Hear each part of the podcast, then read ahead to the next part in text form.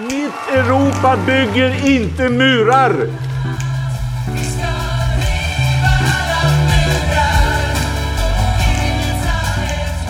Syftet med de åtgärder som vi nu presenterar är att skapa ett andrum för svenskt flyktingmottagande. Mycket av det som regeringen sa igår ställer ju oss vi positiva till och vi tror också att en del av det kan dämpa trycket.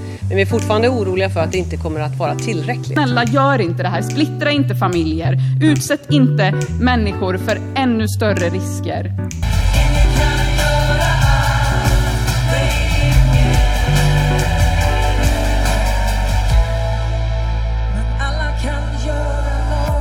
Hej och varmt välkomna till Människor och migration. Podcasten som pratar om migration och om de människor som rör sig över gränser. Jag som pratar just nu, jag heter Maja Dahl och jag är kommunikationsansvarig här på Arena Idé som ger ut den här podcasten. I det här avsnittet så kommer vi att prata om bärplockare och deras villkor. Kommersiell plockning av vilda bär har funnits i Sverige i över 100 år. Under lång tid har bären plockats av svenska medborgare, men sedan ungefär 70-talet har utländska plockare blivit allt vanligare. Först så var det polacker som kom plockare och sedan har det i allt större utsträckning blivit thailändare och nu även grupper från Ukraina och Bulgarien.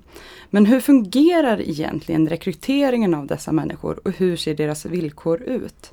Med mig för att reda ut detta har jag som vanligt Arena Idés utredningschef, statsvetaren Lisa Pelling. Välkommen! Tack! Och journalisten Mats Wingborg. Välkommen! Tack så mycket! Mats, du har ju följt villkoren för utländska bärplockare i Sverige i ungefär tio år. Ja, ja det stämmer. Det. Ja, och skrivit nio rapporter på ämnet. Mm. Vad var det som har fått dig så intresserad av just utländska bärplockares villkor? Ja, det hela började ju med, eh, det var 2010, att eh, det var en stor grupp thailändska bärplockare som var otroligt upprörda. De satt ute på Arlanda och de hade jobbat under hela sommaren och plockat bär och nu var de på väg tillbaks till Thailand och de skulle inte få någonting betalt. Och de hade dessutom tagit lån för att komma till Sverige för att plocka bär. Och det här satte igång mitt intresse eh, och, och jag såg att det fanns missförhållanden längre tillbaka i tiden. Att det var ganska stora grupper som blev ja, liksom ordentligt utnyttjade i det här systemet. Eh, Sen med tiden har jag också lärt mig förstås allt mer om det här eh, systemet med kommersiell bärplockning. Och det, jag tycker det är på många sätt väldigt intressant. Det är en, en unik del utav svensk arbetsmarknad som skiljer sig skulle jag vilja säga från alla andra delar av arbetsmarknaden. Mm. Ja, nu är du inne lite på det. Jag tänker att vi ska börja prata om just att när man pratar om bärplockning så, och bärplockers villkor så måste man också ha någonstans i åtanke att det är en ganska speciell bransch. Eh, vad skulle du säga skiljer plockning av vilda bär från andra branscher? Ja, det första som ju är väldigt speciellt det är ju att själva råvaran är gratis. Och när man pratar om vilda bär så är det då eh, blåbär, lingon och hjortron. Men kommersiellt sett så är det då blåbär som är det absolut viktigaste för att det är också en, en stor exportvara. Det är mycket antioxidanter i svenska och nordiska skandinaviska bär som man gör hälsokost av det i Asien. Men vem som helst kan gå ut och plocka bär. Och, eh, och det här är ju kopplat till allemansrätten. Och det andra som är, är väldigt speciellt är att i det här kommersiella systemet så finns det egentligen två undergrupper av system. Och dels så har vi då bärföretag i Sverige som har anställda plockare. Och alla de här anställda plockarna kommer numera från Thailand, det har varit från andra länder tidigare. Och de är då uthyrda till Sverige och anställda utav thailändska bemanningsföretag. Och i somras var det då 4000 thailändska plockare som kom. Eh, och, och, där finns det avtal för dem och så vidare. Eh, och, men vid sidan av det så finns det ett annat system och det finns då ungefär 150 företag i Sverige som har så kallade bäruppköp. Och vad de gör helt enkelt är att de köper upp bär. Mm. Och vem som helst kan ju gå ut i skogen och plocka bär och sälja till ett sånt här bäruppköp. Men i realiteten så är det så att omkring 80% av de som plockar bär till de här bäruppköpen kommer från andra länder. Och väldigt mycket från Östeuropa, Bulgarien, Ukraina är de största länderna. Eh, sen kan man säga att de här två olika systemen med anställda plockare och med bäruppköp, när, när bären går vidare sen så liksom kommer de vidare till samma grossister. Det finns tre stora grossister i Sverige och en stor del av de här bären exporteras till omvärlden. Men just den här kombinationen av att råvaran är gratis och de här två systemen som delvis konkurrerar med varandra också gör den här eh, branschen väldigt, väldigt speciell. Mm. Och, och, när du säger vem som helst kan gå ut och plocka eh, och, och vi pratar nu om allemansrätten också. Det innebär alltså att bärföretagen som anlitar de här plockare inte äger marken det plockas på? Nej, nej, varken de som är anställda plockare eh, äger någon mark eller de som driver bäruppköp. Eh, sen finns det ju stora skillnader hur de kan liksom styra arbetet.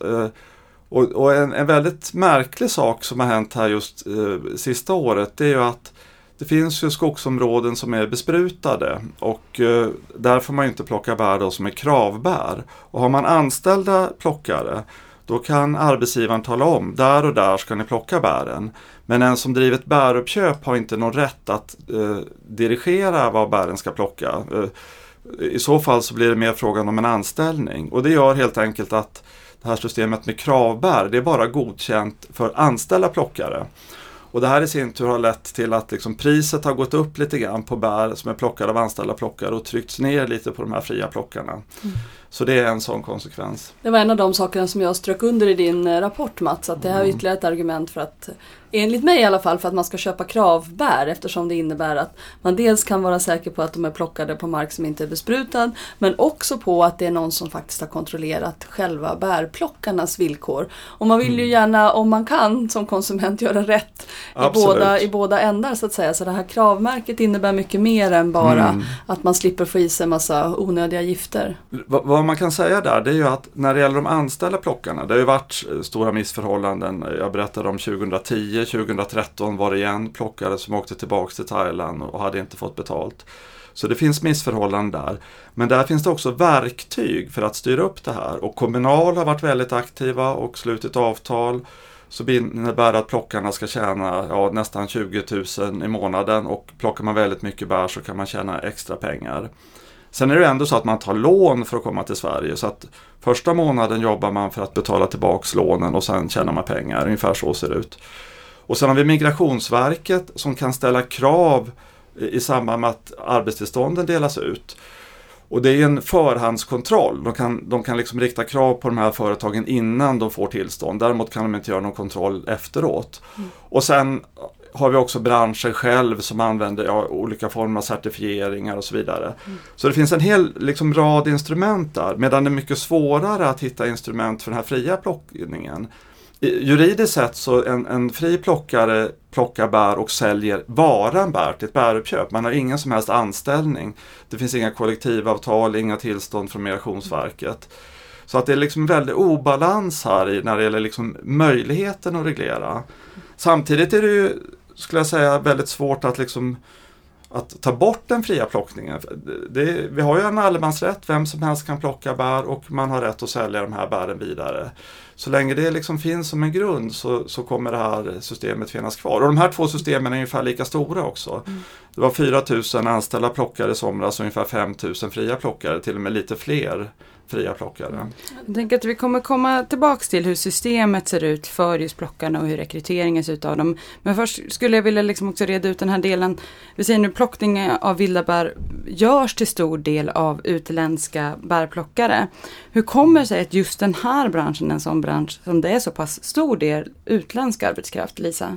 Ja, det är någonting som är kännetecknande för mycket som är säsongsarbetskraftsbetonat. Även andra delar av de kallade, så kallade gröna näringarna, plocka sallad, plocka jordgubbar, eh, är, är, eh, är ofta branscher där mycket utländsk arbetskraft eh, arbetar. Och det har att göra med att människor som bor i Sverige de behöver ha en inkomst under hela året för att behöva kunna betala en svensk hyra och matpriserna på ICA och svenska vinterkläder man kan inte liksom försörja sig ett helt år i Sverige på att jobba några månader som bärplockare. Däremot så finns det en sån möjlighet för personer, eh, till exempel risbönder i den här delen av Thailand när man kommer från... är det, är det faktiskt en fungerande liksom, hushållsstrategi att under delar av året när jordbruket i Thailand är som mest intensivt, då är man där och under en period i året som råkar sammanfalla med den svenska bärsäsongen så kan man dryga ut sina inkomster och få en del kontanter som man använder till, eh, Till exempel har det visat sig en väldigt intressant eh, studie som Eh, eh, genomförts av en forskare som heter Charlotta Hedborg som har, har, Hedberg som har ehm, eh, rest mellan bärplockarna i Sverige och besökt de här byarna i Thailand. Som visar att man till exempel använder pengarna för att finansiera sina barns universitetsstudier.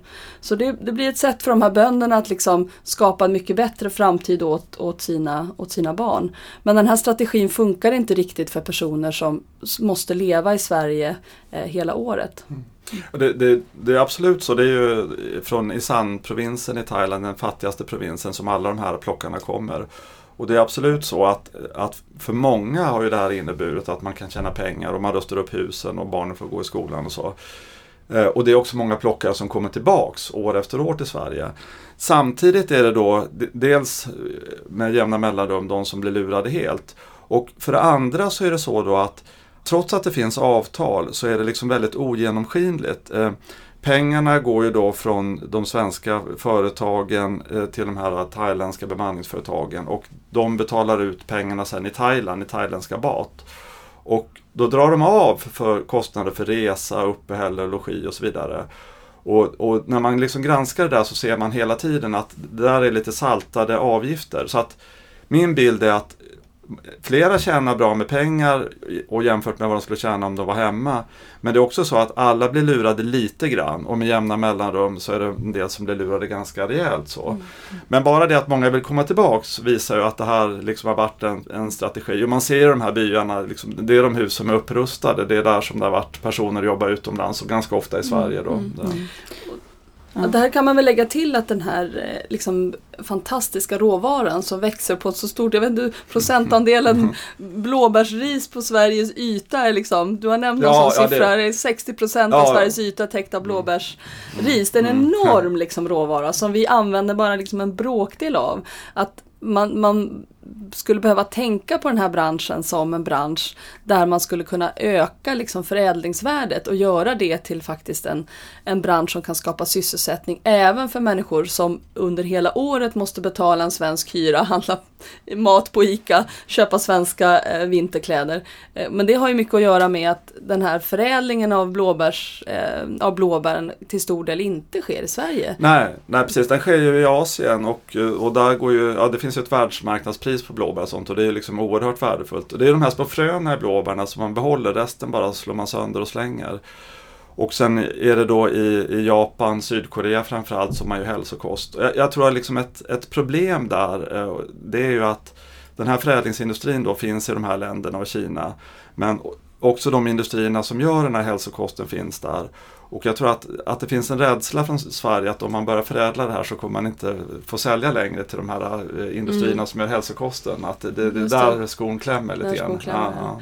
Men det är någonting för lantbruksministern att ta sig an kanske en, en, en bärstrategi, finns det en sån? Mm. Ja. Nu har vi varit inne lite grann på, på själva systemet, så jag nu skulle jag verkligen vilja att vi djupdyker i det. Alltså hur rekryteras de här plockare som kommer? Eh, kommer till Sverige. Hur bor de när de är här? Eh, Mats, kan inte du förklara lite grann så här, hur sker det? Så här, hur mm. tas en person från Thailand till mm. Sverige? Eh, då får man igen gå tillbaka till de här två olika systemen. Och för de anställda plockarna, där är det då det är ett tiotal ungefär eh, bemanningsföretag i Thailand som är verksamma. Och då anmäler man sig dit och sen så får man betala en avgift till det här bemanningsföretaget för visum och resa och så vidare. Och det är ju ett lån man tar. Och och man gör ett avtal med det här bemanningsföretaget. Och sen är det det då som har kontakt med ett svenskt bärplockarföretag. Och man gör upp om hur många personer som ska komma till Sverige. Och det här bärplockarföretaget måste då lämna in en ansökan till Migrationsverket och få godkänt. Och där har, det hänt att eh, Migrationsverket har underkänt eh, eh, företag. Sen några år tillbaka så ställer Migrationsverket krav på att, att det ska finnas garantier att löner ska kunna betalas ut även om det skulle bli dåligt med bär. Och de ställer också krav på att företrädare för de här bemanningsföretagen ska finnas i Sverige. Men så, så ser processen ut där. När det gäller de fria plockarna så är det betydligt mer ogenomskinligt. Eh, eh, jag skulle vilja säga att alla de plockarna har kontakt med något bäruppköp. Eh, och ofta har de ju varit vid ett bäruppköp tidigare i Söderhamn eller i, högre upp i Hälsingland, Dalarna. Och då ringer de till det här eh, bäruppköpet och kollar, kommer ni driva verksamhet även i år? Så kan det se ut. Men det kan också vara en person i Ukraina som sätter upp annonser och har annonser i tidningarna att jag kommer ordna en resa till Sverige för att plocka bär och jag fixar logi och den personen har i sin tur kontakt med ett bäruppköp. Och även där då så tar man, får man en skuld, man tar ett lån för att komma till Sverige. Och kruxet här det är ju att eh, om det är fri, fri plockning då är det, säljer man ju varan bär och då får ju inte bäruppköpet ha organiserat rekryteringen för då ska plockarna vara anställda. Så att här är det liksom en, en gråzon, hur mycket information får man ge eh, till de här plockarna? Bäruppköpet får inte stå för rekryteringen, får inte stå för utrustning. Man får absolut inte tvinga plockarna att bara sälja bär till det egna bäruppköpet utan plockarna ska vara fria att sälja till andra. Eh, och väldigt ofta går man över det här, eh, den här liksom gråzonen och, och är involverad i rekryteringen och har egna förläggningar och så vidare. Eh, boendet där är också väldigt varierande för de fria plockarna. Väldigt ofta så är det ju campingplatser eller det finns, jag känner till ett 30-tal hus där det bor ukrainska plockare. Men det är också stora grupper som bor i skogen och det är ju läger i skogen och det är framförallt plockare från Bulgarien. Och inom den gruppen finns det också en hel del romer, men alla är inte romer i den gruppen. så. Men där har det varit ganska eländiga förhållanden och, och det har varit barn med och det, det saknas ju, ju, vatten och elektricitet vid de här lägena. Så, så att, eh, och man ser att de här lägena också har flyttats till lite högre upp i landet och så. Och ibland blir de liksom ivägkörda av polisen och då flyttar de här lägena en bit bara så. Mm. Men när det är anställda plockare då har ju arbetsgivaren ansvar för mat och logi och liksom allting och, och det är en kontroll utav anläggningarna. När det gäller den fria plockningen så är det tvärtom. Bäruppköpen får inte ha, liksom lägga sig i. Uh, och gör de det så kan de bli anklagade för att plockarna är anställda då. Så att det, där är liksom, I genomsnitt så är ju liksom villkoren mycket, mycket sämre när det gäller boende där mm. och, uh, och plockarna får själv svara för mat och så. Mm. Ja, det, det framstår ju som, som det skulle vara en bra, någonting bra om man kunde flytta fler av liksom, mer av de bär som plockades i Sverige till just eh, de som är viseringsplockare, som har ordnade förhållanden, som har en garanterad lön, som har kollektivavtal som också innebär försäkring. Man, man får en tjänstepension, man har, man har liksom en hel del rättigheter. Va, vad, är, vad är det som hindrar att, att, att inte till exempel bemanningsföretag från Ukraina på samma sätt som bemanningsföretagen i Thailand skulle organisera bärplockningen på det här sättet. Är bären för billiga för att det ska löna sig?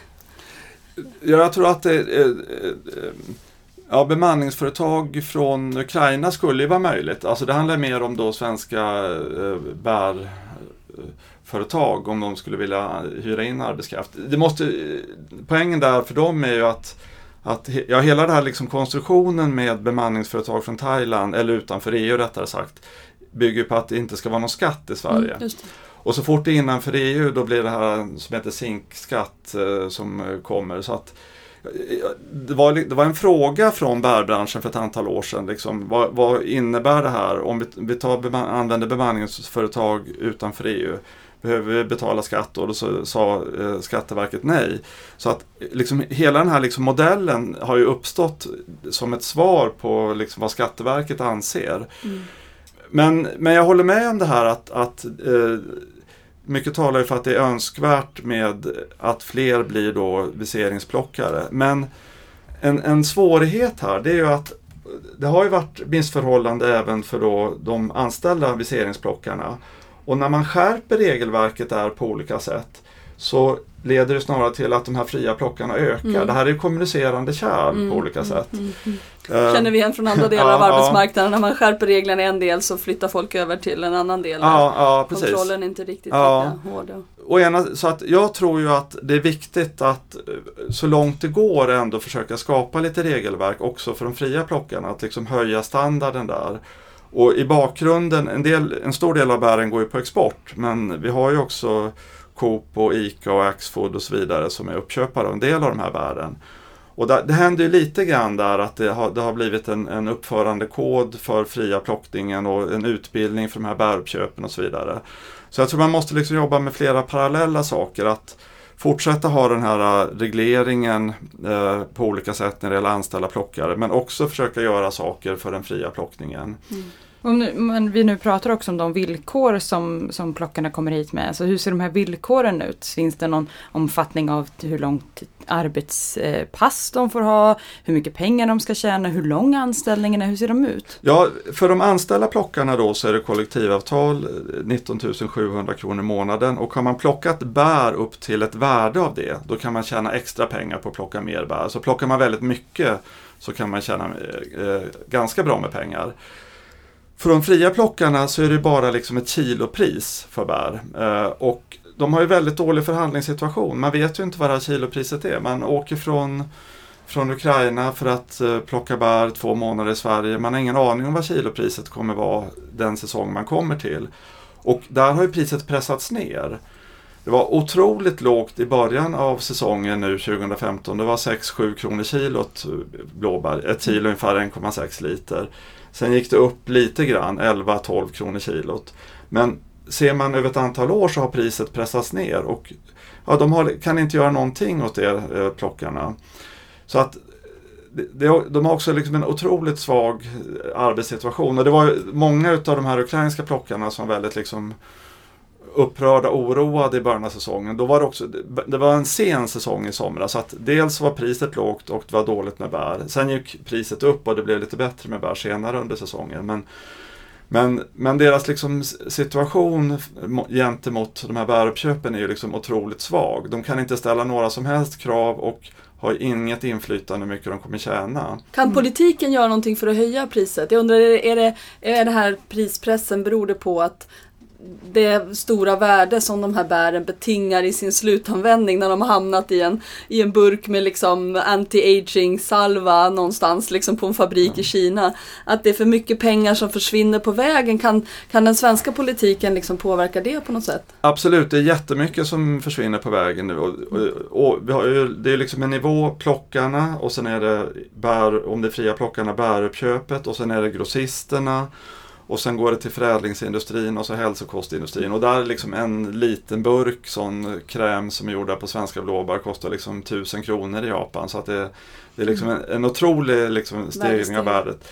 Men jag tror ett liksom allra första steg, det är liksom bara att göra synligt vad priset är. Eh, eh, och jämföra hur priset har utvecklats. För det, det här liksom eh, nu har jag eh, skrivit lite extra om det i min senaste rapport här, men det, är liksom väldigt lite uppmärksammat.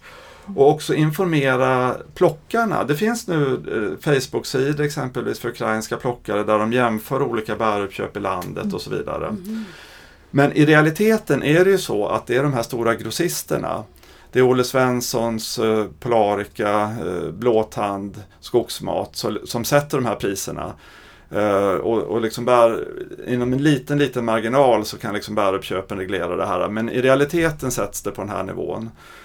Uh, och uh, ja, jag vet inte riktigt vad man ska kunna liksom använda för instrument för att höja upp det här. Men, men som sagt, ett första steg är liksom att göra åtminstone de här priserna synliga. Och mm och det absurda är ju här liksom att med den här kravmärkningen så har ju pris, priset faktiskt pressats ner för de fria plockarna medan det har gått upp för de här äh, viseringsplockarna. Så att viseringsplockarna, när de hade fyllt liksom, nivån för kollektivavtalet, det de fick per kilo var ju mer än vad de här fria plockarna fick per kilo. För att de kunde sälja kravbär ja, som ja, betingar ett ja, högre pris på marknaden. Jag är bara så fascinerad av detta liksom. Det verkar vara en så dålig affär för Sverige. Här har vi en otroligt värdefull liksom, råvara som säljs på världsmarknaden och de som plockar den här, de har inte ens råd att bo okej. Okay. De bor mitt i skogen i ett tält och de har ingen toalett och de tjänar skitdåligt. Jag menar, det, det, det låter ju som en liksom situation om vi pratar om liksom gruvbrytning i Bolivia och vi är upprörda över att den här enorma liksom råvarorna som finns i Bolivias berg inte ger vettiga arbetstillfällen till Bolivias befolkning. Mm. Och här är vi liksom, har vi de skogarna i Sverige med den här fantastiska råvaran och vi låter plockarna leva under sådana förskräckliga förhållanden och ser inte till att mera värdet heller stannar här? Nej, det är ju väldigt lite som går tillbaks till liksom samhället i Sverige i, i och med att plockarna inte betalar skatt. Ja, varken de här anställda plockarna eller de fria plockarna betalar skatt i Sverige. Sen betalar ju förstås de här företagen då olika former av skatt i Sverige. Eh, men om man tittar liksom på de som är engagerade, vi har Kommunal som är ute liksom engagerar sig där. De har några enstaka eh, anställda plockare som är medlemmar. Men i stort sett så får ju Kommunal göra det här med andra pengar. Det Liksom deras satsning kan ju inte finansieras utav de här medlemmarna. Och sen har vi kommuner. Ofta ganska fattiga kommuner i Norrlands inland och, och rätt vad det är så råkar de ut för att det är nödställda plockare. Det kan antingen vara bland anställda plockare, än oftare fria plockare. Man måste göra sociala insatser. Det förekommer också nedskräpning i skogarna där kommunerna måste liksom betala för att, att städa. Eh, det här är inga jättebelopp, men ett faktum är att för de här ganska fattiga kommunerna, så trots att det här är ganska stor verksamhet, så är det bara en utgift. De har inga inkomster från den här eh, delen. Och här tycker jag, liksom, det här är ju ett Hela regelverket här med eh, ja, Migrationsverkets regelverk, regelverket för fria plockarna, skatteregelverket, det är ju liksom ett statligt regelverk. Så här tycker jag liksom att staten borde ta ett större ansvar. Det, det är någonting liksom orimligt att bara lasta över till kommunerna att liksom fixa det här. Eh. Eh, och när man samtidigt inte har några som helst intäkter ifrån det. Så Budskapet här från podden Människor och migration är att lantbruksministern borde prata lite mindre om kött. Han eh, uppenbarligen inte särskilt bra koll och prata lite mer om bär och om utvecklingen av liksom bärproduktionen och bärindustrin i Sverige och bären som sysselsättningssektor. Det, det ser vi fram emot. Och för dig nu som lyssnar som undrar varför Lisa pikar vår lantbruksminister om kött så är det för att han har gått ut och uttalat sig om att det inte ha- har en negativ miljöpåverkan. Eh, men eh, jag tänker att vi går tillbaks till våra utländska bär, bärplockare. Vi har varit inne på det en hel del nu att det här är en väldigt utsatt grupp. Men vad beror det på att de är så pass utsatta? Vi har varit inne lite grann på boende. Men hur ser det ut? Så här, du har lyft lån. Vad är det för lån man tar för att komma hit? Ja, eh, de, anställda plockarna måste ju då betala för visum, flygresa eh, och sen så betalar de ju för uppehälle, logi. Eh, det följer med, de får ju mat på förläggningarna och det följer med eh, thailändska kockar med dem eh, från Thailand. Och det finns till och med olika förläggningar med olika kök, eh, olika eh, thailändska eh, kockar och så. Och, men väldigt bra mat så.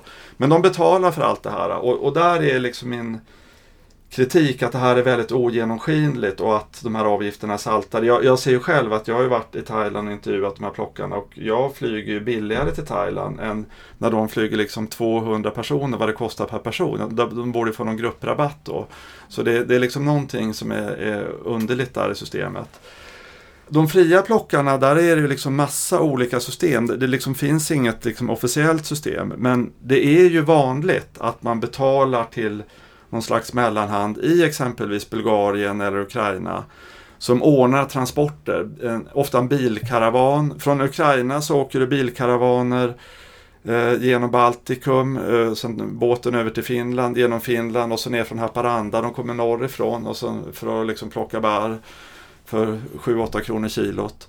Och det här är liksom fattiga personer som inte har några pengar i förväg. Så de tar ett lån till den här mellanhanden för att betala resan och förläggning. Och sen så ska man betala tillbaks det genom eh, de här intäkterna man får genom att plocka bär. Och sen kan man börja tjäna egna pengar.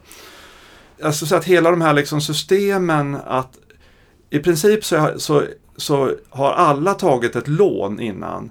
Och det är väldigt osäkert, man vet inte i förväg hur bra bärår det kommer vara. Det, det, det vet man väldigt sent och när man bestämmer sig för den här resan så vet man definitivt ingenting om det.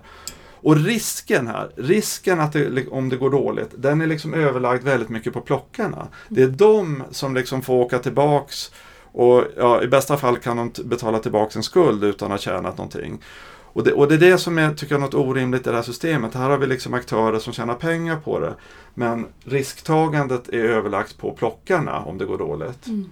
Det här är en, en, en, en, liksom konstruktion av utsatthet som man kan känna igen från andra delar av arbetskraftsinvandringen. Den här kombinationen av att du reser långt till Sverige, du har kostnader för att ta dig hit vilket gör dig utsatt när du kommer fram för du är skuldsatt till att börja med och måste betala igen pengar innan du så att säga kan göra en vinst. Det andra är att du har brist på information, du har brist på information om hur mycket du ska tjäna. Det är någonting som karaktäriserar andra arbetskraftsinvandrares villkor väldigt ofta även om man har fått fått ett erbjudande från en svensk arbetsgivare. Du ska jobba så här och så här mycket, du kommer tjäna så här och så här mycket. Och Migrationsverket och den fackliga organisation som är ansvarig har stämplat det här arbetserbjudandet och sagt att de här villkoren är okej. Så vet vi att uppföljningen av villkoren är alldeles för svag, det är alldeles för dålig kontroll så att ofta så upptäcker arbetskraftsinvandrarna väl kommer fram att det här som har blivit utlovade kan de inte hålla, eh, hålla alls. Och sen är det också en, en, den här skeva fördelningen av risken som du pratar om, den här osäkerheten som finns i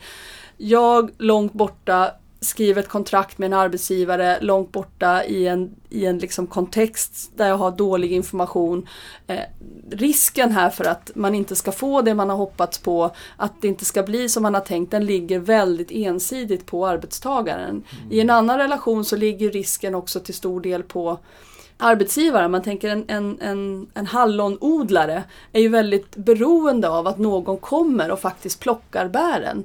En, en, en så att säga, en, eh, när råvaran är fri så är det en annan typ av liksom business som, som karaktäriserar.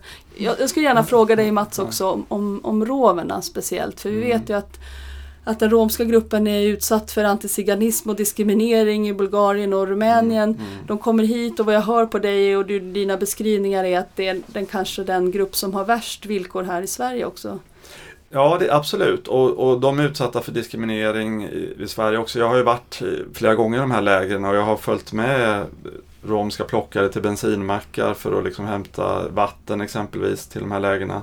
Och då har liksom vattnet varit avstängt på bensinmackarna och när jag gått in och frågat varför så säger de att ja, så här, en, en uttryckte det så här, det är så mycket skogsfolk som kommer hit och tar vatten.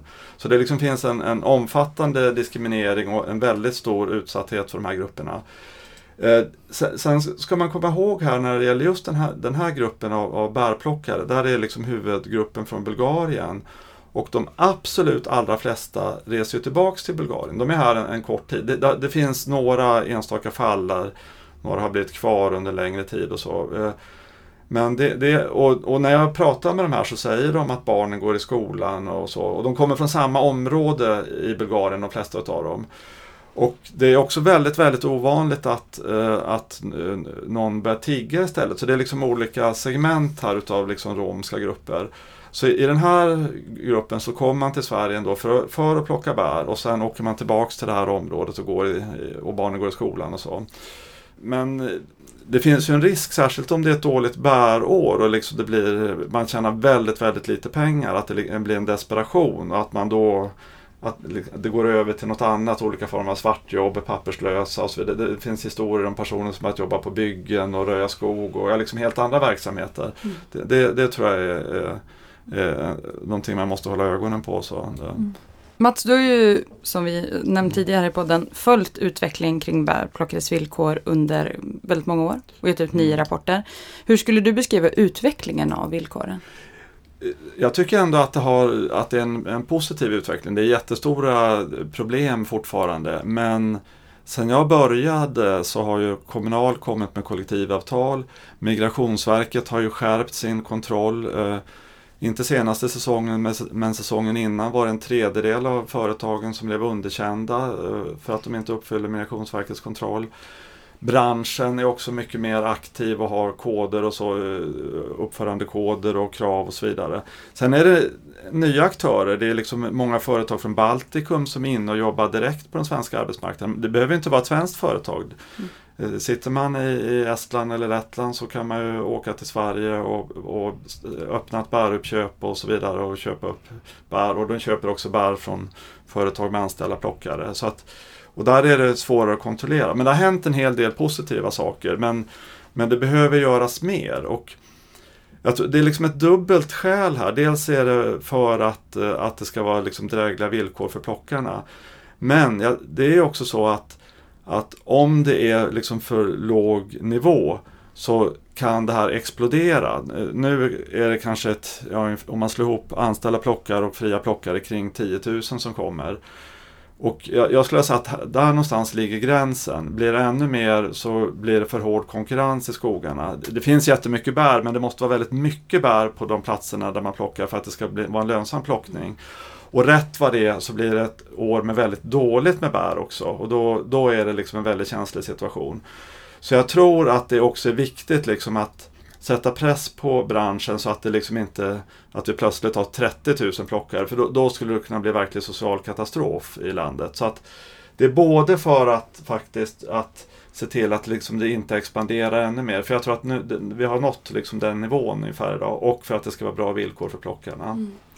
Jag tycker att det du säger illustrerar väldigt eh, bra Mats, den här liksom kombinationen av att göra det som Kommunal har gjort. Man har liksom lyckats teckna kollektivavtal i en bransch som är väldigt, väldigt svårorganiserad. Knappt några är medlemmar. De är väldigt utspridda. Rent geografiskt är det långt att åka för Kommunals ombudsmän. De har gjort det utan att liksom få några pengar i utdelning. Mm. Men de har lyckats faktiskt organisera den delen av branschen. Och då blottlägger det hur beroende eh, den, den fackliga organisationen och kollektivavtalen är att myndigheterna klarar av att reglera resten. Att Skatteverket gör sitt jobb, att Migrationsverket mm. gör sitt jobb, lantbruksministern kanske så småningom engagerar sig i den här mm. frågan för att de här kollektivavtalen ska kunna eh, upprätthållas också på sikt så att inte det blir så att det är färre och färre viseringsplockare och fler och mer och mer av bären som plockas av, eh, av fria plockare till mycket, mycket lägre villkor. Mm. För den fråga som jag liksom eh, funderar över nu när vi har haft väldigt många människor som under kort tid har sökt asyl i Sverige. 80 000 eh, 2014, 163 000 2015. Många eh, sitter på förläggningar eh, rent bokstavligt talat mitt ute i blåbärsskogen. Mm. Eh, eh, är det så att det här kommer att bli någonting som asylsökande kommer att ägna sig åt? Du, du upptäckte det redan eh, säsongen 2015. Hur kommer det se ut 2016? Mm. Och är det här, jag, jag funderar, är det här någonting som man till och med skulle uppmuntra? Det är klart att det bästa för en nyanländ i Sverige, för en asylsökande, är att försöka lära sig svenska. Man borde ägna många timmar per dag i att, att försöka, men innan svenskkursen har kommit igång, innan man har fått tag på en praktikplats, innan etableringsplanen har börjat komma igång. Är, är det vettigt att plocka bär under sommaren? Ja, ja, det kommer absolut fortsätta öka och det var ju som sagt något nytt som jag såg i somras när jag reste runt till bäruppköp att det var en väldig ökning av asylsökande. Och precis som du säger, de flyktingförläggningarna är ju precis på de här småorterna i, i Norrlands inland bland annat. Eh, som är liksom centrum för bärplockningen. Eh, och vad man kan säga, och jag intervjuade flera av de här asylsökande, det är ju att att eh, det är positivt att de kan tjäna lite extra pengar utöver det liksom stöd de får som asylsökande. Och inte minst, de får liksom en, en kontakt med samhället. De, de eh, liksom deltog i dialogen och stå, eh, hängde vid de här bäruppköpen och så. Och de var väldigt, väldigt liksom positiva och glada till det här. Så det var liksom ett otroligt positivt inslag. Sen är det ändå så att eh, eh, om man tittar på de volymer de plockar, det är ett ganska liksom tufft jobb att plocka. Mm. Så eh, jämfört med de här liksom, eh, risbönderna från Thailand eller de som är väldigt vana plockare liksom från eh, Ukraina, Bulgarien och sånt. Så var det ganska små volymer. Det var liksom inte jättemycket pengar de tjänade. Men en, de, de plockade liksom några veckor och liksom fick ändå ja, mm. liksom en, en inkomst som de tyckte var liksom betydande. Men Sen, de plockade som fria plockare? Ja, ja bara fria plockare, absolut. Ja. Bara, de, de plockar själva och kommer med bär, ofta liksom i, i Konsumkassar till de här mm. bäruppköpen.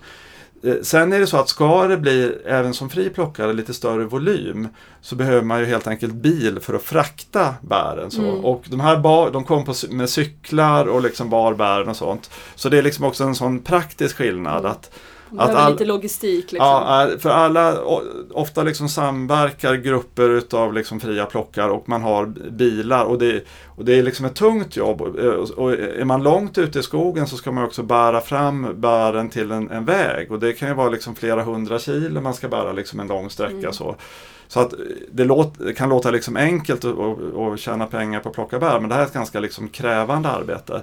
Så man ska ha liksom en, en realistisk bild av hur mycket det kan liksom bli. De kommer inte kunna konkurrera med de liksom duktigaste kommersiella plockarna. Men ändå något väldigt, absolut väldigt positivt. Och Eh, jag tror att, att ehm, eh, de kommer se de här bär, i de här samhällena, de är inte så stora, bäruppköpen är väldigt synliga. De, de finns ofta liksom i rondellen mitt i samhället, liksom väldigt centralt i de här samhällena. Så de kommer se de här bäruppköpen. Så att det, mm. jag, jag, är övertygad om i, i, nu nästa sommar här att det kommer öka väldigt mycket. Och jag, jag tror knappt att man behöver egentligen liksom göra särskild reklam för det så utan det, det här kommer man se själva och det kommer liksom öka väldigt Men mycket. Röda Korset och, och, och, och ABF kanske skulle komplettera med den här koka blåbärssyltkursen så att man liksom under hösten när man fortfarande sitter och väntar kan koka sylt och, och, och sälja. Vi kanske får en sån liksom solidaritetssylt som man kan köpa sen. Absolut, och, och förutom kontakten med personer vid bäruppköpen så, så får man ju också information. Det finns nu på massor med språk om allemansrätten och svenska naturen, vilda djur man kan möta i skogen och så vidare. Och så vidare. Så att Jag är det, nu rädd att, att förlora en kollega här till bärbranschen. Jag ger mig ut som liksom eh, gårdfrihandlare i, i blåbärssylt kokad på asylboenden. nej men det, det är absolut bra, men de, de kommer ändå, även om det ökar jättemycket, så kommer de stå för en, en relativt liten del utav den totala plockningen. Det tror jag är, det är liksom realistiska. Vi har nu gått igenom en del av den, den utsatthet som utländska bärplockare har i Sverige utifrån det regelverk som, som, som finns. Eh, du ger i din rapport en hel del förslag på hur regelverket skulle kunna förbättras eh, för de här personernas skull. Vad ser du som det mest kritiska i att man borde genomföra? Eh, Om man säger då en sak om de anställda plockarna och en av de fria. Så någonting som jag eh, irriterade mig på i somras när det gäller de anställda. Det, det är då att när man skriver på ett avtal med det här bemanningsföretaget i Thailand så är det liksom ett erbjudande om jobb men det är inte bindande. Och säsongen kom igång väldigt sent så det var ju många som fick sitta och vänta på anställningen. Eh, Det kunde gå en eller två veckor innan man liksom fick börja jobba enligt kollektivavtal överhuvudtaget. Och är det då så att man har tagit ett lån och man ska betala, jobba första månaden för att betala tillbaka det här lånet och sen tjäna pengar så kan ju det här bli väldigt kännbart. Och ännu mer en, en annan säsong när det är ännu senare eller ännu sämre än bär. Så där tycker jag, det här, är man i Sverige för att jobba i två månader så ska ju det liksom vara bindande att man är garanterad lön under den perioden. Sen tycker jag när det gäller ehm, eh, de fria plockarna att eh, där, det finns ju nu system med uppförandekoder. Och jag är lite part i målet där. Det är ju liksom handeln som har tagit fram det här. Men de har bett mig komma med olika förslag och så vidare. Det är de som har beslutat om det. Men jag har haft möjlighet att vara med och påverka det här. Och det är en rad bäruppköp som har anslutit sig, sig till de här koderna och det ska vara liksom kontroller utav de här bäruppköpen och så. Det, det är väldigt mycket svårare att göra kontroller där men det här är ett litet första steg att liksom göra någonting. Men det är viktigt också i nästa led att, eh, att de i Sverige som köper upp bär, att de liksom trycker på att vi, man vill ha garantier för att bäruppköpen liksom säger att de ska efterleva de här uppförandekoderna och så. Att det, att det blir, liksom blir något tryck i systemet. Men, men det är helt enkelt så, det är ett faktum att möjligheten att reglera är väldigt mycket sämre för de här fria uppköpen och då får man liksom använda de få instrument som finns där. Det är ändå ett litet steg åt rätt håll. Mm. Jag tycker det låter eh, bra. Nej, jag ser fr- fram emot att, att eh, få se mer av märkning. Jag tycker att det är en bra liksom, tumregel. Nu vill du vara säker, köp kravmärkta bär. Men, men det är klart att alla har inte råd med kravmärkta bär. De är rätt rejält mycket eh, dyrare. Att, att man kan få se andra former av märkning som, som innebär att bäruppköparen har haft en schysst eh, policy. Att, att priset på bär har varit eh, rimligt. Att man har skött eh, inbetalning av skatt och, och, och, och sådana saker. Så det, det, det ska bli spännande att, att följa den och man hoppas att Konsumentverket har lite ögon på det här också och bevakar att, att det blir så. Och med det sagt så är dagens avsnitt slut. Jag då som har jobbat med bär, med då de odlade bären som, som ung sommarjobbare har ju då lärt mig en himla massa om vilda bär och tänker ju fortsättningsvis när jag går runt i handeln titta på priset varje gång jag håller i en blåbärsprodukt. Vad, vad var det du sa att, att lite priset ungefär ligger på nu för dem? Ki- Kilopriset i i somras började på 6-7 kronor kilot. Men eh, problemet är när du, om du köper blåbärssylt eh, på Coop eller någon annanstans så är de blåbärna inte från Sverige. För att de svenska blåbärna är så värdefulla så att syltföretagen har inte råd att köpa svenska bär. Så de kommer ofta från Ukraina eller Baltikum eller någonting. Men de frysta bären, är det De, svenska? de här lösfrysta, Ah, där, där Okej, finns det svenska. så det är där man ska tänka så här, bärplockaren har fått 6 kronor kilot när man plockar dem. Ah, ja. det, det kommer i alla fall jag hålla utkik Mm. efter. Tusen tack Mats för att du tog dig hit och förklarade det här för oss. Tack Lisa för att du som vanligt redde ut en hel del frågetecken.